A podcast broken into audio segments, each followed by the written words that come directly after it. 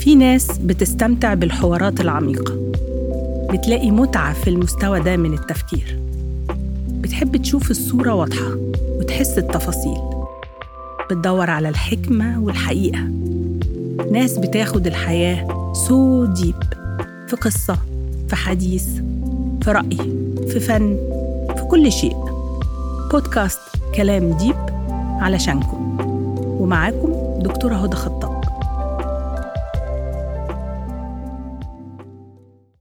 الصف الأول الصف الأخير.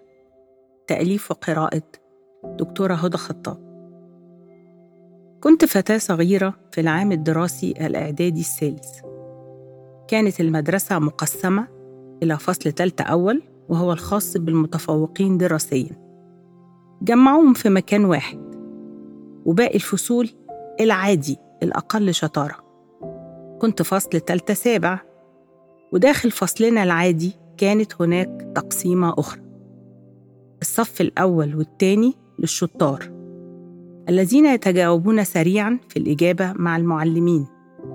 وباقي الفصل هم العادي والعادي ورا.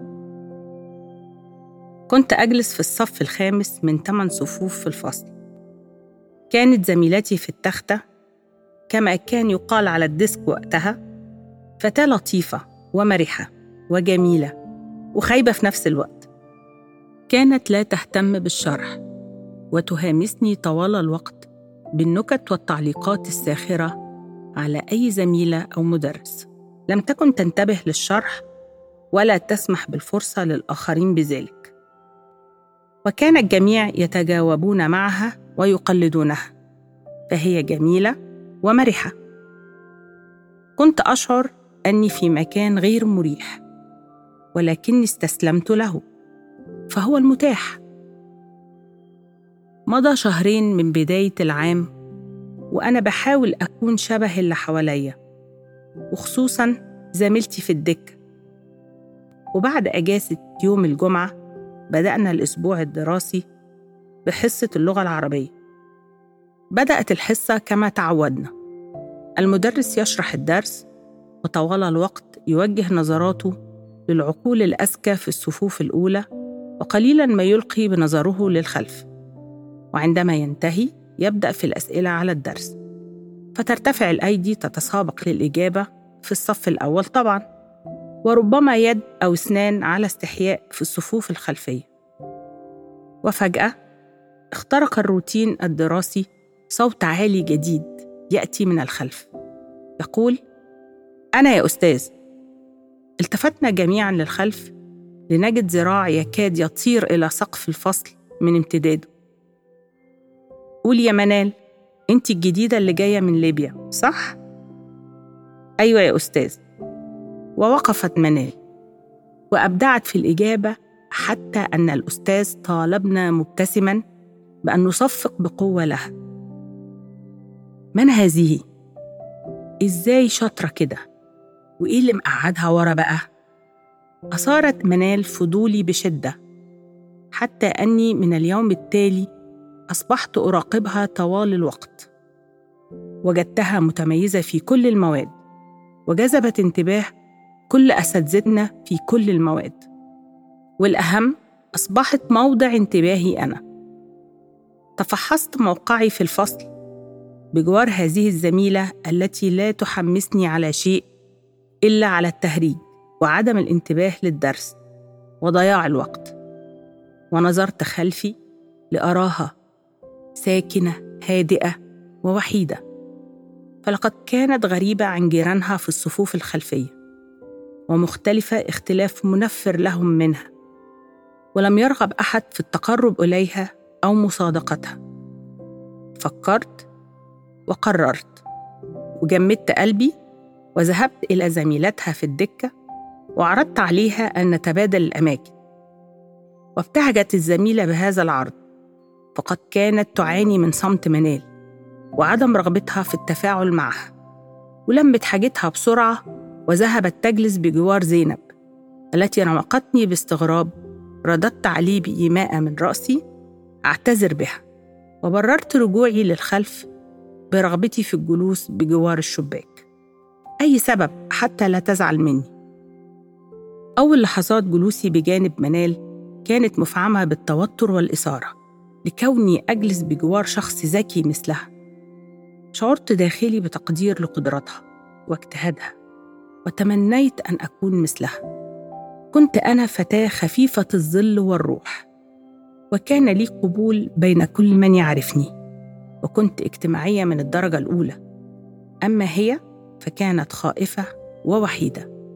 بدأتها بالحديث فاستجابت لي وبالتدريج أصبحنا أصدقاء. نتبادل الأحاديث ونتبادل الحكاوي عن تفاصيل حياتنا ونقضي وقت الفسحة معا. ومع الوقت ساعدتها أن تخرج من شرنقتها وتنطلق معي. لقد كنت مستسلمة للصف الأوسط بتفاهته ومستواه العلمي المتوسط ولكن تغير الحال. والآن أقضي وقتي أراقب منال في تفاصيلها كلها داخل الفصل حتى طريقة تنظيمها لأدواتها وطريقتها في الكتابة لدرجة أني أصبحت أكتب بنفس خطها. وإن كنت تركت هذا فيما بعد ورجعت للطريقة والخط الخاص بي. ومع الوقت عرفت سر شطارتها. كانت تحضر الدروس قبل أن يشرحها المدرس بل كانت تذاكرها بنفسها. مستعينة بكتب خارجية.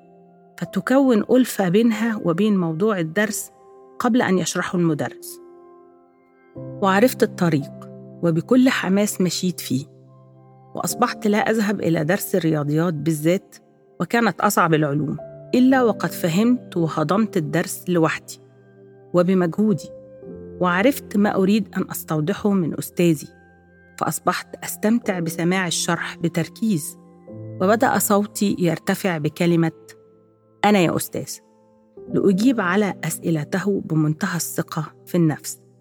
وكما أصبحت في الرياضيات أصبحت في باقي العلوم. وأصبحت أحب موقعي الجديد في الفصل. أحببت نفسي. ولم أكن أعرف أني كنت أكره حالة الفشل التي كنت فيها في الصف الأوسط. أحببت التفوق والمذاكرة والعلم. ووجدت نشوة أحسها كلما فهمت شيء بدأ صعبا في البداية فأقبلت على دروسي باستمتاع حتى أتى يوم لا ينسى في حصة الرياضيات كان المدرس يشرح طريقتين لإثبات نظرية علمية كل منهما صعبة وطويلة فرفعت يدي وأذن لي الأستاذ بالوقوف وقلت له لماذا هذه الصعوبة في الإثبات؟ هناك طريقة سهلة ومختصرة. اكتشفتها أنا. رمقني أستاذي بنظرة سخرية وعدم تصديق وقال لي متحديا تعالي ورينا طريقتك. وذهبت إلى السبورة ومسكت الطباشير وكتبت طريقتي في إثبات النظرية. وتركت الطباشير في مكانها والتفت إلى المدرس. لأجده فاغر فاه ومذهول. معقول؟ صح جدا. لازم أوريها القسم الرياضيات.